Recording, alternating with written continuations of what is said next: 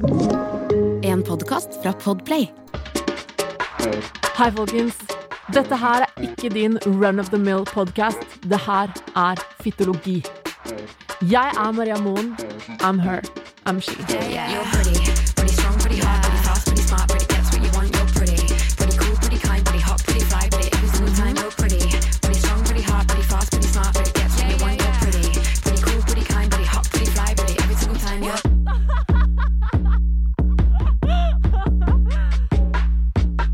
Hei, dere.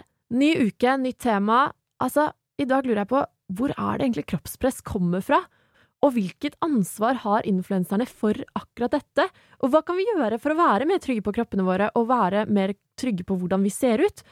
Og hvordan kan man faktisk gå frem for å akseptere den normale kroppen du har, hår og alt? Og ikke bare det, men hvordan kan man være mer trygg i et forhold, og hvordan kan man ha det bra i et avstandsforhold? Vi snakker om det å se seg selv som hele mennesker, og se bort fra det derre perfekte og se oss selv som hele mennesker. I dag har jeg Martine Halvorsen som gjest. Let's go!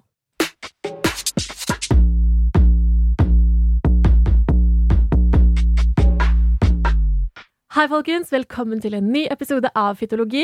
I dag har jeg med meg herlige Martine Halvorsen. Og da vil jeg bare spørre deg, hva er, definerer du deg som influenser eller blogger eller innholdsprodusent? Du har jo podda dritlenge. Godt spørsmål. Jeg syns, for å være helt ærlig, at det er litt vanskelig. å liksom, Mm. når jeg får det spørsmålet Altså sånn Ja, hva driver du med, da? Og så blir jeg alltid sånn ehm, Jo, nå skal vi se. At det er liksom Altså, jo, altså den overordna tittelen er vel influenser. Ja. Men så skal jeg jo ærlig innrømme at jeg ikke alltid liksom føler meg hjemme i den tittelen. For at jeg føler at eh, ehm, hos veldig mange så er jo den litt sånn negativt lada. Ja. det er jo dritsynd. Det er for hver deres problem, ikke mitt problem. på en måte. Mhm. Men, Ja.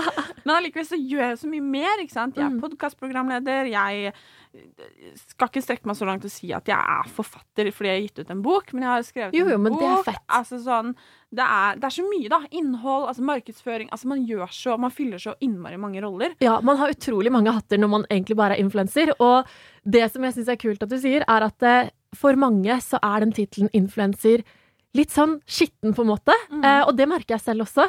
Eh, fordi vi blir på en måte eh, ja, pakka inn i en boks som man ikke egentlig føler at man passer til, og det er mye silikon, det er mye liksom fiksa kropper, og det er mye liksom hair extensions og det ene og det andre. Og det digger jeg jo, men jeg selv føler jeg at jeg er ganske sånn normal jente, da. Og det er det jeg vil snakke litt med deg om i dag. Fordi du Jeg elsker hvordan du Du byr på deg sjæl, du er ærlig og du er åpen, og du på en måte er med på å normalisere den Altså, en vanlig kropp og altså et sunt selvbilde og det å være seg selv, og, og liksom elske å sette pris på det, da. Og det digger jeg. Og du har så mye gode råd til folk, og jeg ser jo på profilen din at folk spør deg ofte om råd, og jeg elsker hvordan du på en måte bruker din plattform på å liksom hylle det normale, det som vi alle mennesker kan kjenne oss igjen i. Hva er tankene dine bak eh, profilen din? Det er også egentlig et godt spørsmål. For at det, når jeg begynte Altså, når jeg Jeg, jeg var seinest ute med å få meg Snapchat, jeg var seinest ute med å få meg Instagram. Jeg har liksom Jeg tror aldri jeg har lest en blogg, jeg, før jeg plutselig lagde meg en blogg selv. Jeg hadde liksom ikke noe liksom forhold til de tingene der. Mm. Og når jeg begynte, um, som egentlig var ganske tilfeldig, fordi at jeg bare hadde noe på hjertet Ja. Jeg begynte aldri fordi at eh, å, jeg skal bli blogger eller influenser eller kjendis eller Altså overhodet ikke! Det var bare for det jeg hadde på hjertet, som var at jeg hadde hatt en skikkelig kjip nyttårsaften, Oi. det jeg bare var sånn Herregud, jeg kan ikke ha vært den eneste som har følt meg ensom og dritt og alt dette her, da. Eh, og det var for langt å skrive på Facebook. Ja.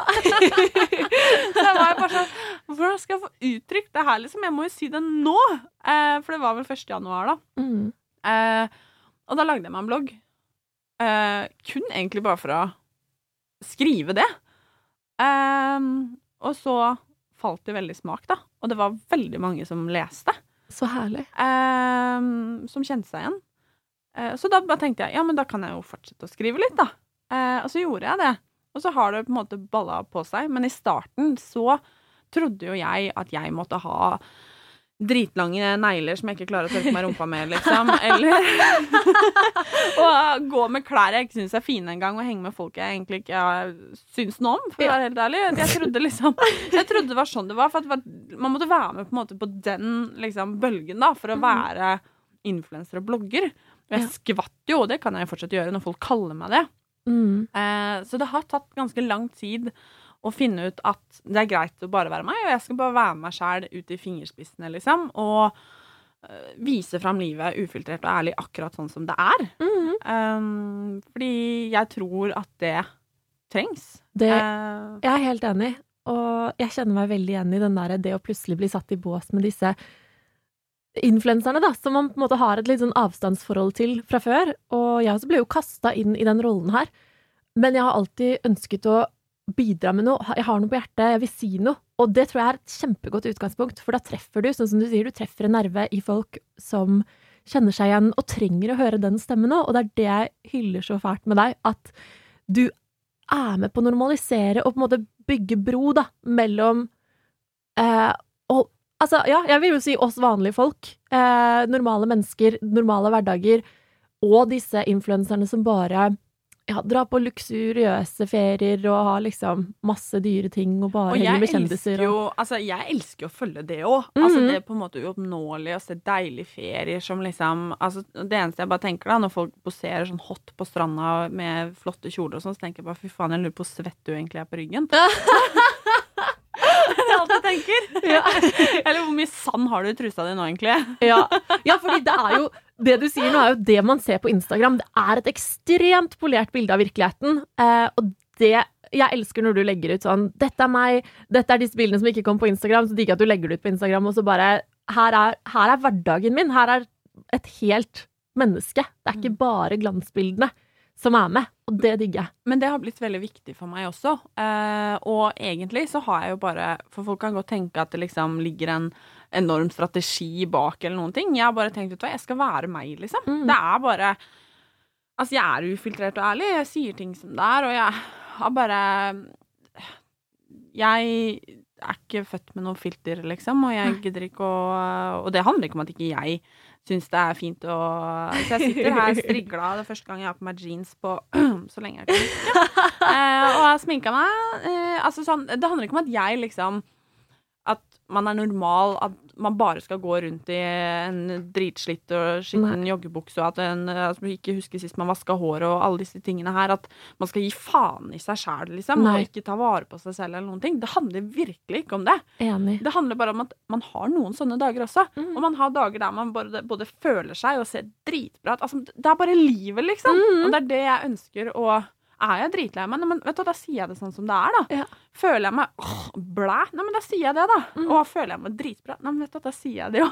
Så deilig. Det er så forfriskende. Og det er jo, igjen, da Det er ingen som bare har perfekte dager. Det er ingen som bare er strigla fra topp til tå hver eneste dag. Og jeg òg er jo liksom Det er jo ingen bilder på Instagram jeg poster som der jeg er liksom krokrygga og liksom mm, Burde kanskje begynne å gjøre litt det òg. Altså være litt eh, Vise det norma normale òg. Fordi man, man setter jo også influensere litt i en bås der man tenker at livet deres er perfekt hele tiden.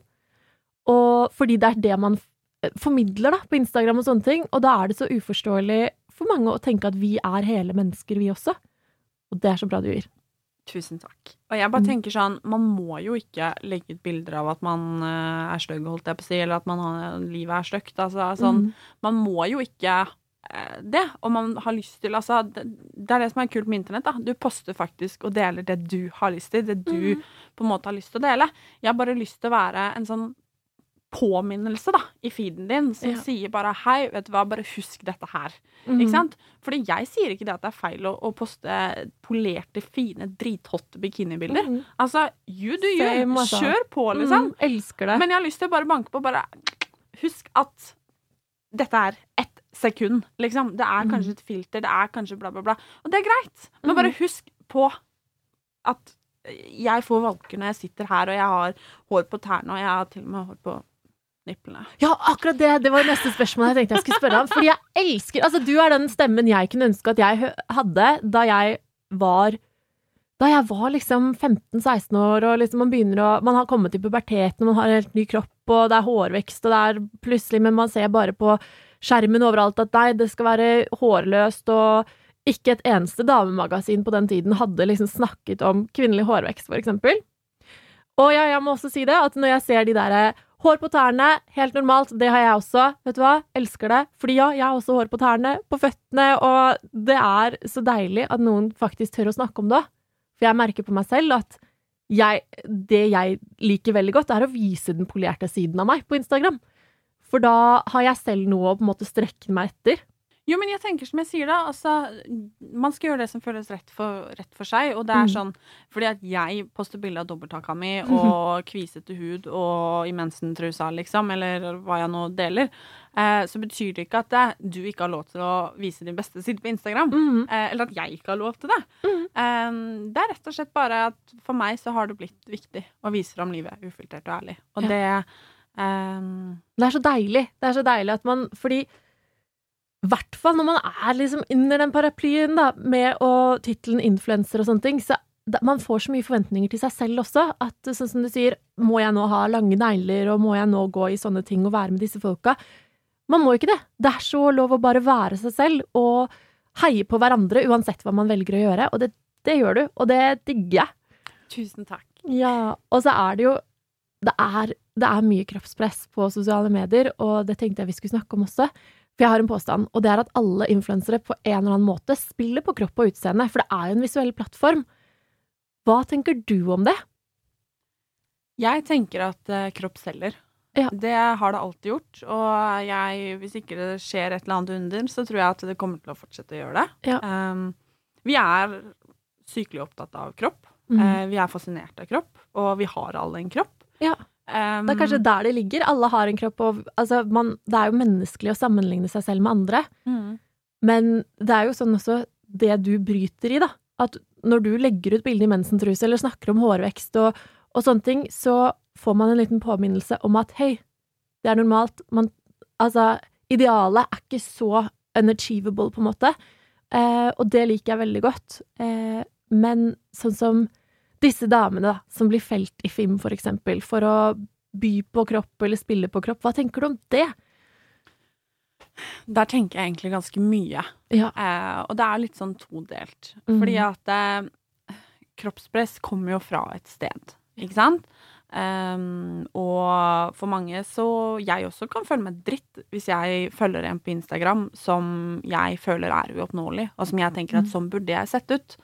Ehm, nå har jeg kommet dit at hvis jeg føler meg dritt, så trykker jeg faktisk eh, unfollow. Ha det bra, takk for deg, jeg digger Mm. deg, men du er ikke bra for meg. Og det syns Mm. jeg vi burde bli flinkere på, på Ja. generelt grunnlag. Ja. Både i det virkelige livet og på internett. Definitivt. Eh, ja. og, jeg, og jeg tenker sånn at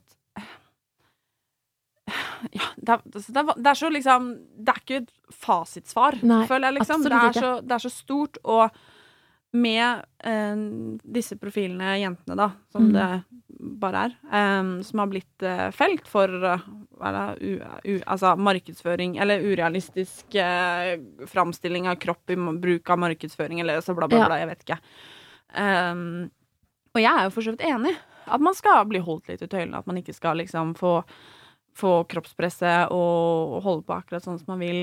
Um, altså på den måten. Mm. Samtidig så hender det at jeg tenker sånn Hm, er det noe mer eller mindre greit at du, da, som er mye slankere enn meg, Mm. eh, deler et bilde av deg i bikini, eh, drithot, eh, enn at Er det noe mindre greit enn at jeg gjør det?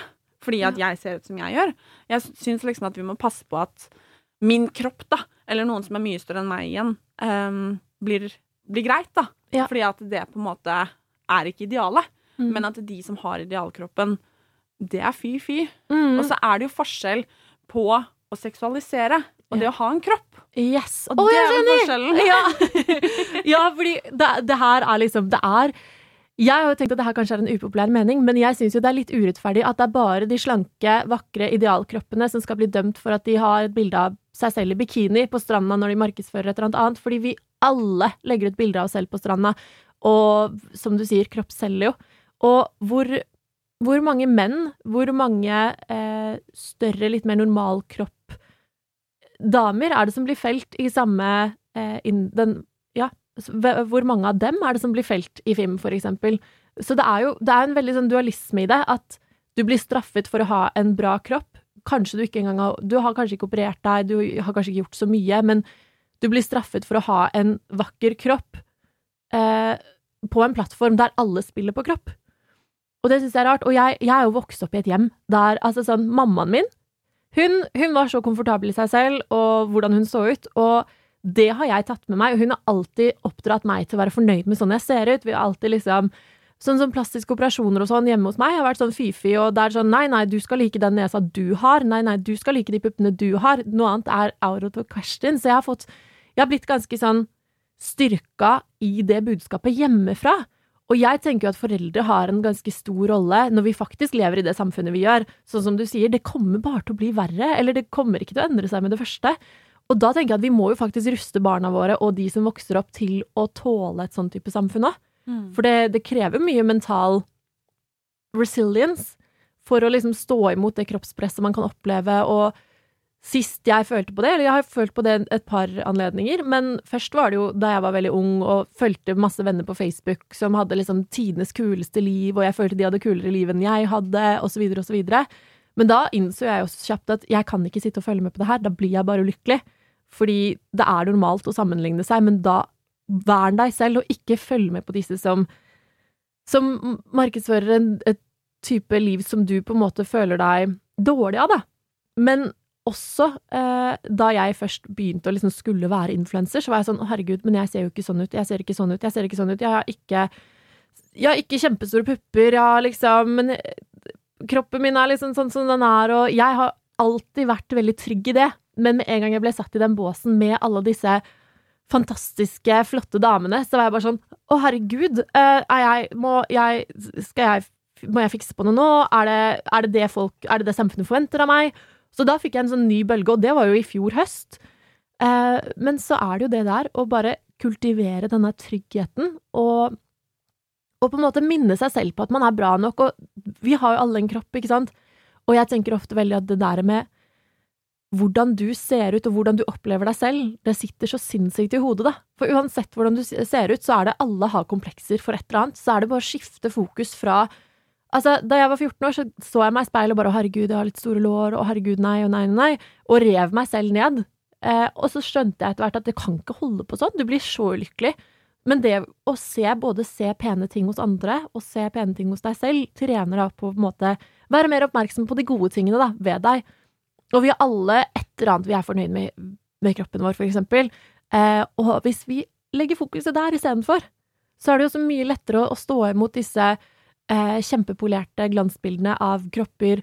For vi har også Det finnes jo nesten like mange kroppstyper som det finnes mennesker der ute. Og, og det å innse at ok, hva er det jeg har som er bra? Istedenfor å sammenligne seg med en type kropp man aldri kan oppnå, fordi man rent genetisk og biologisk ikke er laga sånn. Eh, så jeg tenker jo at vi som er influensere, selvfølgelig burde vi bli holdt litt i tøylene og ikke være Ikke bare normalisere den der seksualiseringen av kroppene våre og sånne ting, men også få lov til å være Altså, også få lov til å se ut sånn som vi gjør, og også få lov til å være komfortable, da, uansett hvor på vektskalaen man ligger, uansett hvor på puppestørrelsesskalaen man ligger, eller, eller sånne ting. Og det er, det er en sånn sinnssyk treningssak som man gjerne bruker mange, mange år på, men jeg tror ikke det å sensurere flotte kropper, eller sensurere ehm, Ja, eh, nei, det å sensurere generelt, da, er nødvendigvis noe som hjelper, for for meg så ser det ut som bare å putte et bandasje på et mye større problem, da, i samfunnet som Og det er veldig lett å legge skyld på influensere, det er veldig lett å skylde på det ene og det andre, men jeg syns jeg, jeg oppriktig tror at det å takle kroppspress fra utsiden, det, det er veldig Det burde være veldig foreldrene sitt ansvar. Det burde være et ansvar man tar selv også, om å ikke la seg påvirke negativt. Det er veldig lett å si, men men rett og slett, ta et oppgjør med deg sjæl, for vi har alle komplekser, og det er helt normalt, men det er det der å fokusere på de fine tingene, og rett og slett bare la deg selv være deg sjæl, fullt ut, og akseptere den du er, og hvordan du ser ut, fordi med en gang du gjør det, så kan du gå rakrygga ut i enhver setting, og ikke Altså, det skaper så mye Det å ha en, en dårlig forhold til seg selv eller sin egen kropp. Det skaper så mye mye unødvendig bagasje for deg.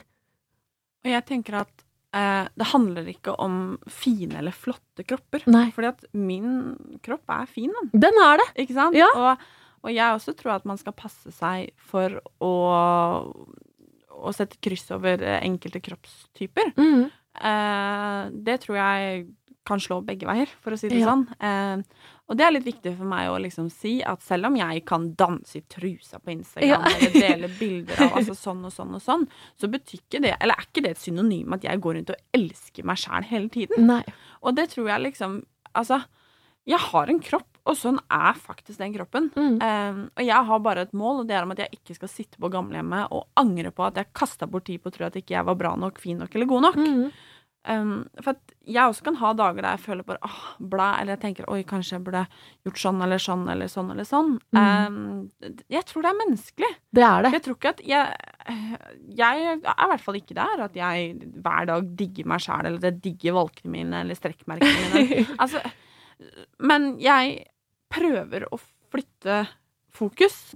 I stedet for å tenke på så veldig mye hvordan kroppen min faktisk ser ut, så prøver jeg heller å tenke på alt den faktisk kan brukes til. Nemlig. Fordi at kroppen min duger til akkurat det jeg har lyst til å bruke den til. Mhm. Eh, og jeg kan trene den, og jeg kan den, ta meg med på toppturer om jeg vil. Jeg kan danse en natt på byen med vennene mine om jeg har Mhm. lyst til det. Jeg, altså jeg kan, den er i stand til det jeg ønsker å bruke den til. Ja. Og jeg tror at vi kanskje skal flytte fokuset vårt litt Ja. fra eh, OK, hvordan ser puppene mine ut? OK, hvordan ser rumpa mi ut? Hvordan ser hoftene mine ut? Til OK, hva skal faktisk denne kroppen brukes til? For Nemlig. at den perfekte kroppen, sorry ass, men det fins ikke. Nei. Eller jeg pleier å dra den så langt som å si at vi har alle perfekte kropper, fordi kroppen vår gjør så utrolig mye for oss, da. Og, og det eneste man kan gjøre, er å ja, flytte fokus. Ikke obsesse over hvordan man ser ut i alle slags mulige vinkler, men å bare Hva er det Altså bare Det her høres jo kanskje banalt ut, men når man får et skrubbsår tre-fire dager senere, så er det reparert igjen, og kroppen vi, vi trenger ikke å tenke på at vi skal puste engang. Vi, eh, vi, vi kan bare være. Og det å gi oss selv masse emosjonell last ved å gå rundt og fokusere på hvordan kroppene våre ser ut hele tiden, det er ekstremt ødeleggende for oss, ekstremt ødeleggende for samfunnet, for det blir jo en skikkelig ond sirkel. Hvis du er misfornøyd med deg selv, så opplever du kanskje sjalusi overfor noen som har noe du ikke har. Men hvis du aksepterer hvordan du ser ut, så er det mye lettere for deg å akseptere hvordan alle andre ser ut også. Og sånn som du sier, det er ikke sånn at man går rundt og elsker kroppen sin hvert eneste bidige sekund av hver eneste dag. Men det å bare akseptere at sånn er jeg, og sånn ser jeg ut, og kroppen min fungerer akkurat sånn som jeg vil, da, da har man kommet veldig langt, tror jeg. Det tror jeg. Så jeg tror at en fin nøkkel kan være å forsøke å flytte litt fokus. Mm. Og hvis man går forbi det speilet hjemme hver eneste morgen eller kveld eller når som helst, og, og påpeker noe Ja. Kanskje man skal fjerne det speilet, da. Ja. At man skal altså, ta det vekk. Altså, at man Mm. faktisk må ta litt ansvar for hvordan man har det selv, og sørge for at man ja, selv har det best mulig. Mhm. Og jeg skjønner at det er lett å si altså du må jobbe med deg selv og alt dette her, fordi det er en kamp, og jeg skal ikke sitte her og tøffe meg og si at gjør sånn og sånn og sånn. Mm. Eh, men jeg tror det du sier med at foreldre har et enormt ansvar, det Mm. er jeg veldig, veldig enig i. Uh, og når jeg sier det, så betyr ikke det at jeg ikke mener at influensere har et ansvar. Mm, nei, det har vi absolutt også. Å bare ikke promotere altfor mye som er unaturlig, og altså ikke være med på å normalisere alt mulig som i utgangspunktet ikke er normalt. Jeg har jo naturlig store lepper, det har jeg hatt siden jeg ble født, og men nå er det jo alle tror at jeg har tatt masse Restylane, for det er det som er normen i samfunnet. Og da Det er så sykt tankekors at den, det på en måte fiksa har blitt det normale. At hvis man ser bra ut uten å ha gjort noe, så er det også unormalt. Og det sier jo litt om hvor utrolig utseendefokusert vi har blitt. Og det suger. Og jeg er litt sånn opptatt av òg at eh, fordi at jeg sier at man er bra nok som man er, og at uh, sånn og sånn og sånn, så betyr ikke det at uh, hvis, hvis noen har fiksa leppene sine, da, Nei, at de er mindre velkomne hos meg. Absolutt ikke. hele poenget mitt er jo bare at verdien din ligger ikke i hvordan du ser ut. Nei! Å, det er så sant! Og, og verdien din som menneske har med hva slags personlige egenskaper du bringer til bordet. Det er det som får deg opp og frem i jobb. Det er det som får deg ut og bli kjent med og få venner som har noe til felles med deg. Det er den mennesket du er på innsida, som til syvende og sist har noe å si. Eh, og, og det er derfor jeg mener at man skal Derfor sier jeg vi har jo alle en jobb å gjøre, og vi, jeg har jo tatt den i flere runder, og man blir jo aldri helt ferdig. Men man må liksom bare skifte fokus, innsida, verdiene dine, så lenge du er et godt menneske. Og hvis du også har det bra med deg selv, så opplever jeg at, at det synes. Det skinner ut på utsida.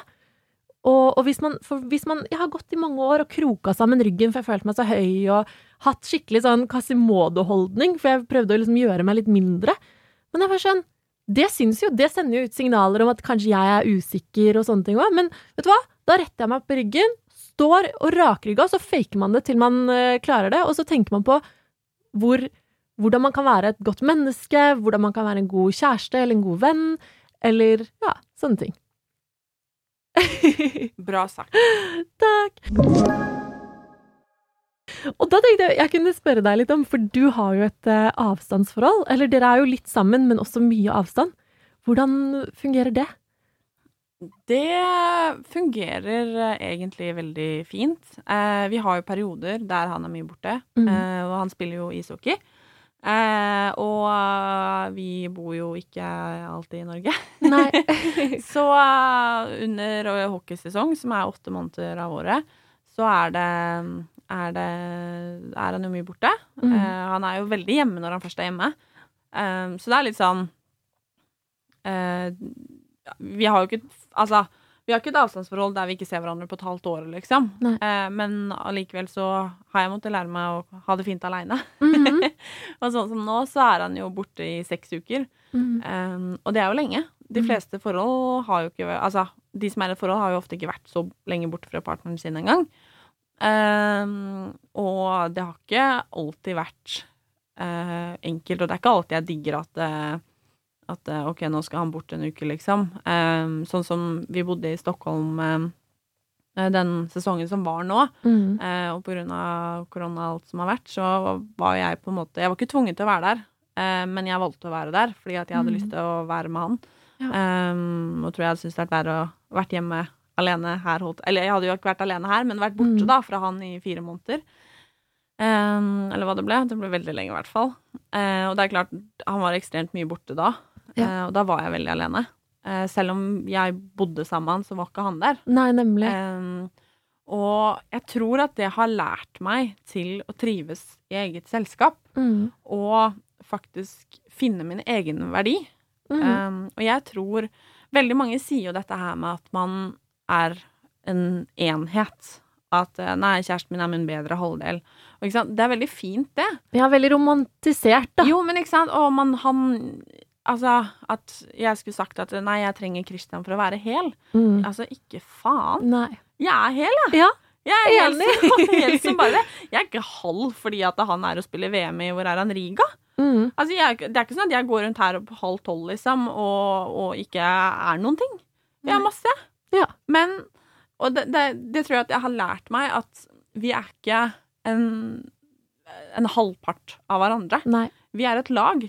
Og vi er et lag som spiller hverandre gode, og som heier på hverandre, og som er det for hverandre når, altså, når man skal det jo. Mhm. Um, og jeg tror det er det som gjør at det fungerer så bra for oss. Og det handler ikke om at jeg ikke savner han, for det gjør jeg. Mm -hmm. uh, altså, bare han er borte i to dager, så savner jeg han. Ja.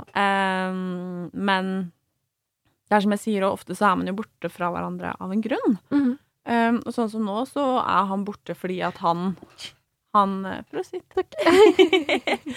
fordi at han eh, gjør det som han elsker. Ja. Og jeg ville jo ikke hatt han hjemme, Nei, for at da hadde han på en måte gått glipp av det han egentlig hadde aller mest lyst til. ikke sant. Og jeg tenker sånn Grunnen til at man har avstand Ofte er jo avstanden midlertidig. Mhm. Og ofte er avstanden av en grunn fordi at man gjør det man faktisk har lyst til. Ja. Og det tror jeg hjelper i hvert fall meg litt. Å Ja. minne meg på at jeg har ikke lyst til å begrense han. Nei. Akkurat på samme måte som at han ikke har lyst til å begrense meg. Du har så sunne og gode holdninger, og jeg føler at alle burde hatt de holdningene der. Også når man, sånn som når man er singel, har jeg vært singel mesteparten av mitt eh, voksne liv, med unntak av et par forhold. Eh, og det at liksom i et samfunn som på en måte glorifiserer det å være i et forhold, og at man tenker at man er ufullendt da, uten en partner, det er også veldig skadelig, for nå i datingmiljøet i Oslo og i Norge generelt, Det er skikkelig det er skikkelig flokete, altså. Det er skikkelig vanskelig hvis man da tenker at å nei, jeg er ikke bra nok som menneske hvis jeg ikke har en partner. Vet du hva, Da kommer du kanskje ikke til å være lykkelig hvis du har en partner heller, hvis du føler at du må være avhengig av et annet menneske for å være bra nok. Og det tror jeg at veldig mange er, Mm. og ikke minst blir. At man Mm. blir veldig avhengig. Altså, det, jeg kan ta meg selv i det. At for eksempel hvis, hvis det er en eh, skrue da, hjemme som har Mm. dett ut av dørhåndtaket, holdt jeg på å si, eller bord, eller altså, jeg vet ikke, som har dett ut, liksom, og så hvis Christian er hjemme, Ja. så er det sånn Å, kan ikke du fikse det, da? Og når han ikke er der, så går jeg og fikser det sjøl. Jeg klarer det jo sjøl. Ja. jeg tror det er litt sånn at man Altså, når man er i et forhold Og man skal jo lene seg på hverandre. Man Ja. skal liksom Altså, herregud. Man skal heie på hverandre og løfte hverandre. ja, ja, ja. Og jeg mener ikke det at man ikke liksom skal ha aller mest lyst til å være med kjæresten sin hele Mm. tiden. Altså, ikke misforstå meg. Eh, Nei, ikke misforstå meg. Mm. Men, eh, for jeg vil være med Kristin hele tiden. Mm. Men jeg tror bare at det er ingen andre som skal utfylle deg. Mm. Og jeg tror at lykken Man kan være lykkelig i et forhold, Mm. Um, og, men jeg tror ikke at den lykken skapes om ikke man på en måte Jeg tror ikke det er forholdet som skaper den lykken. Nei. Jeg tror man gjør det selv, som Mm. to individer. og at man sammen derfra kan få det veldig fint. For jeg tror ikke at og så, Nå har jeg vært sammen med Kristian i over seks år, og det er klart, det har ikke vært bare bare. Man Nei. har dårlige dager, uh, og man har dårlige perioder, både altså, hver for seg, men også sammen. Uh, og sånn er det jo bare. Men jeg tror at om man enten går inn i et forhold, um, eller man er i et forhold der man ikke personlig har det bra, Ja. så tror jeg ikke at det man står i, heller altså blir så bra, da. Nei, eller nødvendigvis er bra for deg. Men eh, ja, for jeg tenker jo også selv hele tiden at uh, Altså, én ting er jo den der at å, man skal elske seg selv før man kan elske en annen. Det stemmer ikke nødvendigvis, syns jeg. Men så lenge man er villig til å gjøre den jobben selv, og se seg selv som et helt menneske, og, og, og jobbe med seg selv som man har det bra sjæl, det er den, den lykken du finner innenfra, den lykken du på en måte skaper deg selv i ditt liv, som gjør at du kan ha et sunt parforhold, som gjør at du kan ha, ha de dårlige dagene sammen, da. Og så er det det der valget man gjør med å jobbe for hverandre og bli der i tykt og tynt, da. Men, okay. Men det er den, den, det valget man tar om å jobbe sammen og være et lag, som du sier, og ja, og, og face de dårlige dagene og de gode dagene, for eh, i hvert fall nå i en verden av tusen valgmuligheter, tilsynelatende, så er det jo det der å faktisk fortsette å velge seg Nei, ja, det å fortsette å velge hverandre, og også velge seg selv de gangene man har det dårlig, og ikke, ikke på en måte se utenfor deg selv for å ha det bedre, men faktisk liksom skape den lykken der du er. Ta, skift den jobben hvis du er, hvis du mistrives, altså hvis studiet ditt er forferdelig, hvis du står i et studie du føler at du har tatt fordi foreldrene dine har bedt deg om å ta det, og det er det som er viktig, men du er ulykkelig, da vet du hva du skal gjøre. Og jeg tror at i alle situasjoner så må man se seg selv som et helt menneske, og, og ja, rett og slett være, føle seg bra nok, og ja, for da har man så mye mer overskudd også til å gi det til omgivelsene sine, om det er en partner eller hva enn det måtte være. Ja, og jeg, altså kjærlighet og forelskelse, altså, det er jo det deiligste Ja. som, som fins, og som er. Um, og jeg tror bare at um, For jeg kan jo få spørsmål om ja, hvordan, hvordan klarer dere å ha det så bra? Mm. Uh, og så kan jeg tulle litt og si at nei, men det har tatt seks år å komme dit. Ja. Uh, og på mange måter så har det det. Mm. Fordi at det er mye å finne ut av. Uh, vi var veldig unge da vi møtte hverandre. Ja. Han, første gang jeg prata med han, så var jeg 16 Å, år. herregud. Um, og så var, hadde jeg vel fylt 17 når vi ble kjærester. Og han, da var han fortsatt 17 han òg, selv om han er et år eldre. Mm. Um, og det er klart, når jeg ser på 17-åringer nå, så tenker jeg bare herregud, har vi, hæ, har vi vært sammen så lenge? ja, man er jo bare et barn, Ja, liksom, men på mange måter. Jo, men man er jo det. Um, og det tar ting eh, Nei, det tar tid å finne ut av ting, og hvordan man vil ha det, og hvordan man skal ha det.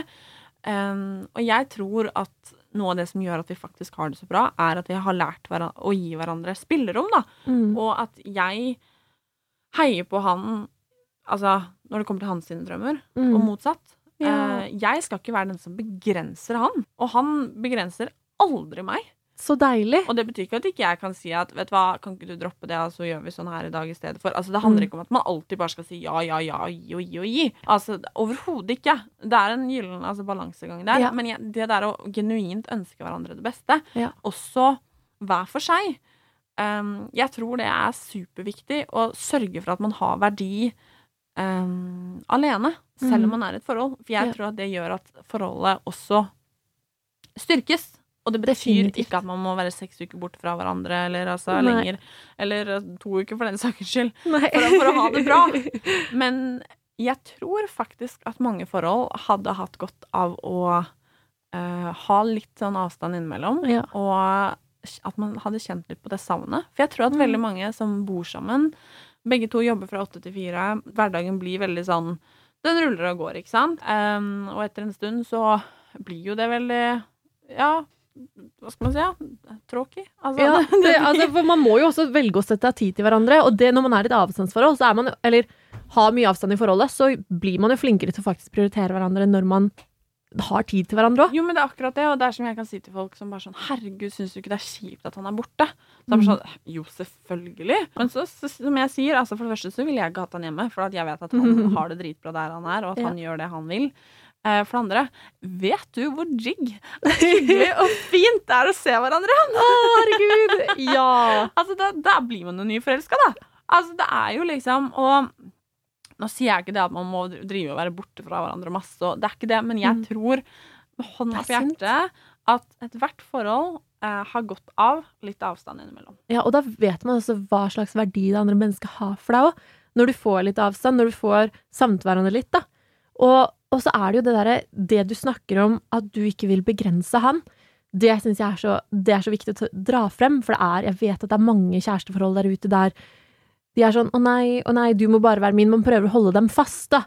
'Å nei, du kan ikke snakke med disse jentene', eller Det spørs på hvilken måte man snakker med dem, selvfølgelig. Men at man på en måte begrenser livet til kjæresten for man føler seg usikker på seg selv. Så jeg tror det derre, det å kultivere den tryggheten i seg selv, gjør at du kan være tryggere på en partner, og tryggere i et forhold, uansett avstand eller ikke. Men det, det, tror jeg òg, men jeg tror altså også det å faktisk innse at det tar tid, da. Ja. Det er ikke noe som er gjort over natta. Og det er, sånn, det er ikke sånn at jeg altså, hadde syntes at det var greit at uh, Chris drev og Jeg vet ikke hva man holder på med Jeg har ikke data, liksom. Så. Men altså, drev og snappa med en eller annen uh, jente som tok kontakt, liksom. Mm. Altså uh, Nei, det er litt Selvfølgelig ikke. Ja. Altså, det, men det føler jeg på en måte Det er normal altså, Folkeskikk. logikk, liksom. Ja, ja, ja, ja. Er liksom, altså, men og jeg hadde sikkert ikke digga heller, eller det hadde jeg ikke, jeg skal ikke si, sitte og tøffe meg på det heller. Altså Mm. sånn at Hvis han hadde drevet og pratet med en jente på byen en hel kveld eh, Nei, jeg hadde ikke likt det. Altså Så ærlig skal jeg være. Men jeg tror Altså for, eh, Litt sånn som jeg pleier å si òg. Eh, altså, hvordan skal jeg si det her? Hvilken forskjell hadde det utgjort for han? For jeg kan jo ofte høre, liksom, hvis jeg snakker med venninner eller med Mm. gjengen min på Instagram, liksom, Ja. som kan si sånn her Å, nei, jeg er så sjalu, for eksempel. Jeg eh, Hva kan jeg gjøre? Eh, eller eh, jenter som for eksempel skriver sånn Herregud, partneren min ser på porno, jeg liker det skikkelig, skikkelig dårlig. Mm. Altså what to do, liksom. mm. Og så tenker jeg av og til at man ofte kanskje tar på seg litt mye skyld selv. For jeg tenker også at hvis man syns da at det er skikkelig vanskelig og vondt at partneren sin ser på porno, så kommer jo det gjerne fra et sted. Ikke sant? Og da tenker jeg, har man ikke som partner også et visst ansvar for den følelsen? Fordi at hvis eh, Nå ser ikke jeg så veldig mye på porno, da, men hvis jeg, hvis jeg hadde liksom vært en iuga pornoentusiast, Mm. og Chris ikke hadde likt det, em, så syns jeg kanskje at vi burde vært litt flinkere på å tenke at hvor viktig er egentlig dette her for meg, hvis det får han til å føle seg så dritt? Og så spørs det jo liksom hvor, hvor, er behovet ditt, hvorfor gjør du det? Og mm. altså intensjonen for meg da er alt Hvis du gjør det fordi du føler at du mangler noe, og jeg er den partneren du har som på en måte egentlig skulle fylt disse behovene, så ville jo jeg Da ville jeg gått i meg selv og, og blitt litt usikker. Men ja, det spørs helt hvorfor man gjør det, og hvis man føler man mangler noe, så må man jo gå i seg selv og bare Hva er det jeg trenger? Og så er det jo det, hvis det ikke er så ja, hva er viktigst? Hvis det er partneren din som er viktigst, så må man jo også da ta de der litt tøffe valgene. Og at, vet du hva, da trenger jeg ikke å se så mye på porno, fordi jeg vil heller være med henne og Ja, og så tror jeg liksom at ja og nei er veldig enkelt å svare, Mm. ikke sant? Og veldig ofte Altså, Det fins ikke noen fasit. Men Det fins ikke en fasit på et forhold. Det fins ikke noen fasit på hvordan man skal gjøre ting. Altså, det fins ikke en fasit. Det fins én fasit, og det er den fasiten man skaper seg selv. Ikke sant? Det er Ja. akkurat det. Og jeg tenker at Si da, nå ble jo porno på en måte Ja. tema her, men det er klart Um, Da må man faktisk prate om det. Selv om noe har funka i min relasjon, så er det ikke noe sikkert at det funker for din relasjon. Nemlig. For at vi er jo forskjellige individer, ikke sant? Mm. Og jeg tror altså kommunikasjon er jo åpenbart nøkkelen til absolutt av. Eh, men jeg tror at det handler også om å finne ut ok, hva funker for oss. Hvilke Mm. spilleregler skal vi ha, uten at eh, det blir en form for liksom kontroll, eller at man blir begrensa. Mm. Um, men jeg tror også da det er viktig at den ene parten der heller ikke bare gir og gir og gir, eh, men at man har en balanse. Fordi at hvis jeg hadde vært kjempesjalu og syntes ting var vanskelig, selvfølgelig kommer den sjalusien og disse problemene fra et eller annet sted. Men jeg, da mener jeg også at man som partner har et visst ansvar for Mm. å faktisk møte den, prate om den og jobbe med den Mm. sammen. Ja. For hvis ikke så tror jeg ikke det er så mye liv laga. Nei. Og hvis, hvis du tar opp en ting, og, og partneren din ikke vil høre på, eller avviser det, så må vi jo sjekke er dette et forhold som jeg har lyst til å være i. Jeg har jo snakket om litt før da, i Toxic forhold-episoden min, men, eh, men det er det der å gi og ta, og sette sunne grenser for deg selv, og også finne ut hvis det, Ofte kan jo sjalusien komme innenfra deg selv òg, at det er liksom du føler deg såpass usikker på deg selv, eller deg selv i forhold til partneren din, og sånne ting, og da hjelper det jo én å snakke om det, men også to er det noe jeg kan jobbe med som gjør at jeg ikke trenger å bli så sjalu, da? Fordi ofte så Sjalusi og masse sånne følelser er jo bare signaler kroppen sender, men det er ikke alltid så lett å vite hvor de kommer fra, da. Men der er det jo man Ja, livet er en jobb, altså, hele tiden, og det er jo det vi har snakket om, og det der med å, å være trygg i seg selv og, og stole på at man er bra nok som man er. Det tror jeg det er litt også Og det å kommunisere, det er nøkkelen til alle situasjoner i hele livet, tenker jeg. Det tror jeg òg. Ja. Og så tror jeg det er viktig å skape liksom rom for kommunikasjon. Eh, og ville lytte og ville prate. Ja. Eh, og det har vært veldig viktig for, for oss, for at jeg er en som Mm. eh, Jeg er veldig høyt, og, si, og han er veldig lav, og så møtes vi liksom på midten. Ja. Men han, da. Det kan ta litt tid for han å komme til poenget, eller å si det han mener eller tenker. Mm. Og der har jeg måttet jobbe med, som gjerne bare hamrer på og smeller i bordet, liksom. Sånn, sånn og sånn. Ja. Eh, og faktisk eh, telle til ti, da, og la han få komme til også. Ja. Eh, for jeg eh, legger ikke skjul på at jeg har sikkert overkjørt han mange ganger. Eh, ja, jeg kjenner at, med eh, Jo, for at sånn, altså, ikke at jeg liker å overkjøre folk, men Nei. fordi at min personlighet er liksom så veldig rett på. Altså, jeg er sånn og sånn og sånn, Mm. mens han er på mange måter det stikk motsatte der. Han må liksom Altså, få summa seg litt, og, og nesten manne seg litt opp til å si hva han mener og tenker og føler. Um, og det er liksom Det er sånne ting man må finne ut i sin relasjon, og det er som jeg Mhm. sier, ting Dette er kanskje noe litt annet, men jeg hører ofte eh, venninner og bekjente eller altså, randoms også, som jeg hører liksom si sånn derre Nei, han var sånn og sånn, så um, eh, Det ble ikke noe mellom oss. Eller nei, jeg kan ikke være med han, for han har det eller det problemet, eller et eller annet, da. Ja. Eh, det kan jo være tåpelige problemer som at han hadde en liten tiss, liksom, til at han eh, syns at det, noe er ubehagelig, eller at han har eh, noe issues med noe Altså, I don't know, ikke Ja. sant? Ehm, og jeg tror kanskje at man Hvis man tror, da, om man skal finne den derre perfekte partneren mm. som aldri liksom Altså, gjør noe feil, eller aldri sier noe feil, eller altså disse tingene Da taper man, altså. Ja, men da må du faktisk trives å være aleine. Mm. Fordi at eh, det er som jeg har tenkt mye selv, hvordan kan jeg forvente at han skal være perfekt? At han ikke skal ha noen liksom greier, Mm. når jeg har så mye greier sjøl. Det er akkurat det. Og da er det jo liksom Jo mer man klarer å akseptere seg selv som et helt menneske, da, med både gode og dårlige sider, jo mer klarer man å akseptere det hos noen andre, og så må man jo finne de dårlige sidene man klarer å leve med, og de dårlige sidene man kan leve med. Mm. Men det er jo akkurat som du sier, det å Og det føler jeg er den røde tråden i hele podkasten her, at hvis Når man aksepterer seg selv, og aksepterer andre fordi de er, så er det liksom Da får man det så mye bedre. Både med seg selv og de rundt seg, men også det at Ja, aksept, bare aksept, aksept, aksept, og, og finne ut av ting sammen, finne ut av ting for deg selv. Eh, det sier jeg så mange ganger, men det beste du kan gjøre for alle rundt deg, er å ha det bra med deg selv, for da har du så mye mer overskudd å gi til andre også. Og det er ingenting som heter perfekt, men jeg liker også veldig godt å si du kan finne noe som er perfekt for deg. For det kan være så mangt. Men det et, et liksom ultimatum-type samfunnsperfekt, det er ikke en hatt som passer alle uansett. Fordi, og det som på en måte er perfekt i for eksempel på Instagram eller perfekt i samfunnets øyne, det er ikke nødvendigvis det som passer deg best heller. Og hvorfor skal man hygge etter noe som ikke passer en selv? Bra sagt. Thanks! Jeg tror at for å få det bra med seg selv og i relasjonene sine og i det Mhm. meste man gjør, så må man stole på magefølelsen og våge å jobbe med seg selv. Og faktisk ha litt is i magen og innse at ting, det, ting tar tid. ja. Vi er så vant til sånne quick fixes at vi forventer at vi liksom gjør oss en tanke på kvelden, og så våkner vi opp perfekt dagen etter. De, det skjer jo ikke. Så, sånne ting tar kjempelang tid. Og også det å, som du var inne på nå, det å tørre å se sine egne feil og akseptere de. Fordi vi er ikke perfekte, og, og det skal vi ikke være heller. Det er jo ikke Du får ikke oppturer hvis ikke du har noen nedturer heller. Nettopp. Det er så gøy å ha deg på besøk. Tusen takk for at jeg fikk komme. Det var veldig, veldig hyggelig. Ja, så bra. Veldig herlig å ha deg her. Vi snakkes neste uke, folkens. Ha en fortsatt kjempefin dag. Du har hørt en podkast fra Podplay. En enklere måte å høre podkast på. Last ned appen Podplay, eller se podplay.no.